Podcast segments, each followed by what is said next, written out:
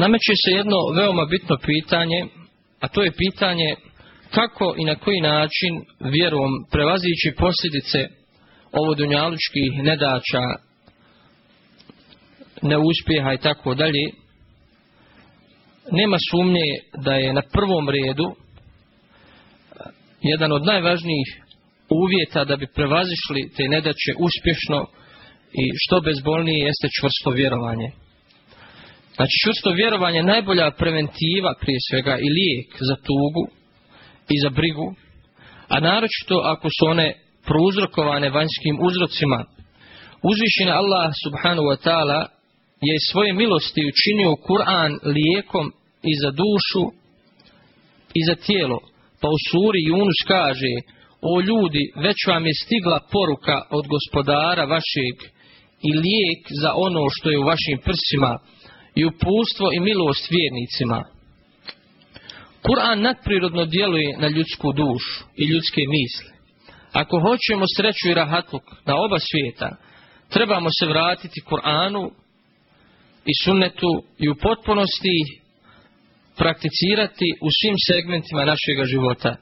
Samo na taj način ćemo moći ostvariti našu ovodunjalučku sreću, rahatluk i samo ćemo na taj način prevazići naše ovodunjalučke nedaće i probleme. Znači, prva i najvažnija preventiva i lijek za naše tugovanje, za naše probleme, za, za posljedice naših nedaća jeste čvrsto ispravno islamsko vjerovanje koje ima veliki utjecaj na čovjekova osjećanja, razmišljanja i ponašanje. U islamsko vjerovanje prije svega spada vjerovanje u Allahu u Đelešanu u odredbu ili određenje, odnosno u šesti, šesti imanski šart, obil kaderi hajrihi wa šerrihi min Allahi ta'ala, da sve što se događa, izbiva, da, da se događa uz Allahovu volju određenje, predodređenje i Allahov nadzor. Ništa Allahu ne izmiče. Svaki događaj ima svoj smisao, ima svoje zašto. Ovo vjerovanje ne dozvoljava čovjeku da tuga i žalost savladaju, znači njegovu nadu, da savladaju njegovu vjeru, jer on je svjestan da ne može utjecati na tok nekih stvari u svome životu, iako ima slobodnu volju i slobodno djelovanje. Prenosi se od Ibn Abbasa radijallahu ta'ala anuhu da je poslanik sallallahu ta'ala alaihi wasallam rekao znaj da kada bi se svi ljudi okupili da ti kakvu korist pribave, neće ti pribaviti osim onoliko koliko ti je Allah odredio. I kada bi se svi ljudi okupili da ti nešto naude, neće ti nauditi osim onoliko koliko je Allah odredio. U drugoj predaji stoji da je poslanik alaihi salatu wasalam rekao znaj da ono što te zadesilo nije te moglo ni, ni mimo ići, a ono što te mimo išlo nije te, nije te moglo ni zadesiti. Kada smo svjesni da su događaja izbivanja već predodređena i zapisana, zašto da mnogo žalimo i zašto da se bojimo i da strahujemo od ljudi kada znamo da nam ne mogu koristiti niti nauditi osim onoliko koliko je Allah odredio. Kaže uzvišeni subhanahu wa ta'ala, nema nevolje koja zadesi zemlju i vas, a koja nije prije nego što je damo zapisana u knjizi, to je Allahu uistinu lahko, da ne biste tugovali za onim što vam je promaklo i da se ne biste previše radovali onome što vam on dadne, Allah ne voli nikakve razmetljice hvalisavce. Neki ljudi, na primjer, kada izgube imetak ili ne uspiju u trgovini ili im umre neko od njima milijih osoba ili izgube položaj u društvu, previše tuguju i očajavaju. Da su sve ovo prihvatili kao iskušenja koja je uzvišene Allah odredio i kojima ih iskušava, ne bi prekomjerno tugovali i očajavali, a na to se odnose i riječi uzvišenog Allaha subhanahu wa ta'ala, da ne biste tugovali za onim što vam je promaklo. I s druge strane, čovjek ne treba da se previše raduje zbog onoga što mu Allah da. jer to može odvesti nezahvalnosti i oholosti i zaboravljanju onoga svijeta, a uzvišeni Allah kaže i Allah ne voli ni gordog ni hvalisavog. Znači umjerena radost i veselje zbog onoga što postignemo od ovodunjalučkih blagodati čini nas poniznim i daleko od svake hvalisavosti i oholosti, a u isto vrijeme čovjek treba da zna da prekomjerna radost zbog blagodati prouzrokuje prekomjernu žalost kada te blagodati nestanu. Ako smo toga svjesni, onda ćemo svaku nedaću prihvatiti sa umjerenim emocijama, znajući da je to Allahova odredba. Ako sa umjerenim emocijama prihvatamo nedaće i radosti, onda ćemo živjeti jednim smirenim i uravnoteženim životom. Također jedna od stvari koje su posebno značajne u prevazilaženju životnih nedaća jeste vjerovanje u sudnji dan, odnosno vjerovanje u polaganje računa i u proživljenje. Svaki vjernik koji čvrsto vjeruje u sudnji dan svjestan je da je ovaj svijet njegovo privremeno boravište i da zbog toga i ne vrijedi, jer ono što je prolazno i što ćemo sigurno izgubiti bez obzira koliko se cijeni u suštini ne vrijedi. Kada vjernik izgubi sebi dragu osobu, on je ubijeđen da će se sa njom ponovo sresti na onome svijetu, ako je ta osoba vjernik. Osoba koja je ubijeđena u onaj svijet gleda na dunjalu kao nešto što nema nikakve vrijednosti, pa ako izgubi dio ovo dunjalučkih blagodati, ne pada u očaj depresiju, jer zna da je Allah pravi vlasnik svega. U vezi sa bezvrijednošću Dunjaluka Allahu poslanik sallallahu alaihi wasallam je rekao da ovaj svijet kod Allaha vrijedi i koliko je krilo mušice, nevijenik na njemu ne bi popio ni gutljaj vode.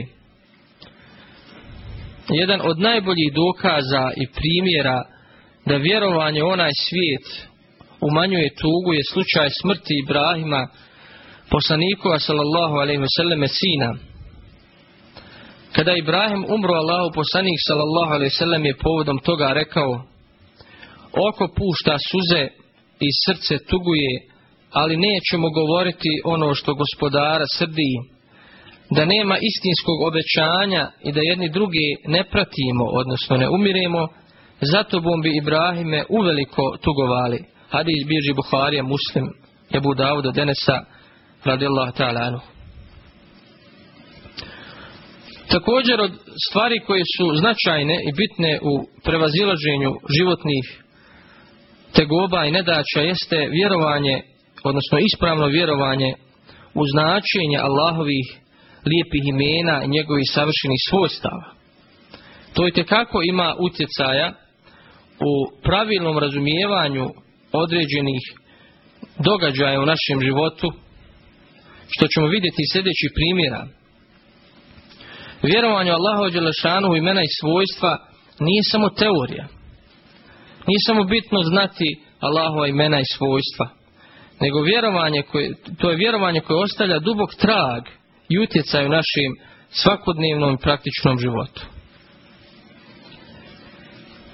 Pravi musliman čvrsto vjeruje da je Allah subhanahu wa ta'ala vladar, el melik, da je el hakim, da je mudar, da je el qadir, da je moćan, da je el mu'ti, onaj koji sve daje, i da je el mani, onaj koji, sve, onaj koji uskraćuje ljudima, i u sva druga Allahova imena i svojstva, koja potvrđuje Kur'an i sunnet. Zato čovjek koji vjeruje da je Allah istinski vladar i gospodar svega, da daje i uskraćuje, neće se nikada usprotiviti njegove odredbi i bit će sa svakom odredbom zadovoljan.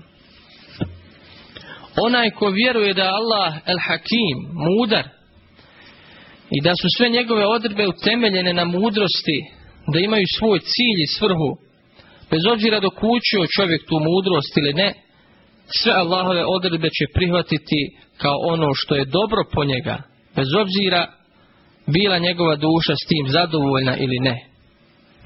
Zato kaže uzvišeni Allah subhanahu wa ta'ala, možda vi nešto prezirete, odnosno ne volite, a u tome Allah da veliko dobro po vas. Kao primjer ću navesti kuransko ukazivanje koje je svima poznato kazivanje u Musavu i Hidru koje se spominje u suri El Kehf. U ovom kazivanju se spominje da je Hidr ubio jednog dječaka. Na što je Musa, a.s. burno reagovao i rekao što ubi dijete bezgriješno, koje nije nikoga ubilo, učinio si zaista nešto vrlo ružno. I mi bi na prvi pogled, kada bi vidjeli da neko ubija malodobno dijete, isto bi reagovali i kazali, začudili se. Nakon što, se, što su završili svoje putovanje, Hidri objasnio Musao razlog njegovih postupaka. A za ubijenog dječaka je rekao, što se onog dječaka tiče, roditelji njegovi su vjernici, pa smo se bojali da ih on neće na nasilje i nevjerovanje navratiti, a mi želimo da im gospodar njihov mjesto njega da boljeg i čestitijeg od njega i milostivijeg. Sura El Kehf 80-81 ajet. Ovaj događaj je posebno zanimljiv i važno istaknuti da postoji razmoilaženje među islamskim učenjacima da li je Hidr bio vjerovjesnik ili je bio pobožan, samo pobožan čovjek. Po, po ispravnijem mišljenju, on je bio vjerovjesnik, jer da bi činio dijela koja se spominju u Kur'anu, odnosno suri Kehf, morao je imati objav od uzvišenog Allaha subhanahu wa ta'ala. Kao još jedan primjer da često u životu stvari koje prezirujemo i ne volimo budu dobre po nas, znači u našoj u njihovoj konačnici, naveću znači primjer i slučaj čovjeka koji je Allahovom odredbom izbjegao avionsku nesreću. Spominje je doktor Abdullah al-Hatir u svojoj knjizi Tuga i depresija u svjetlo Kur'ana i sunneta svoj razgovor sa čovjekom koji je zbog kašnjenja na avion izbjegao avionsku nesreću. Inače ta avionska nesreća se dogodila 1989. godine na Rijadskom aerodromu i u njoj je poginuo, poginuo 301 putnik.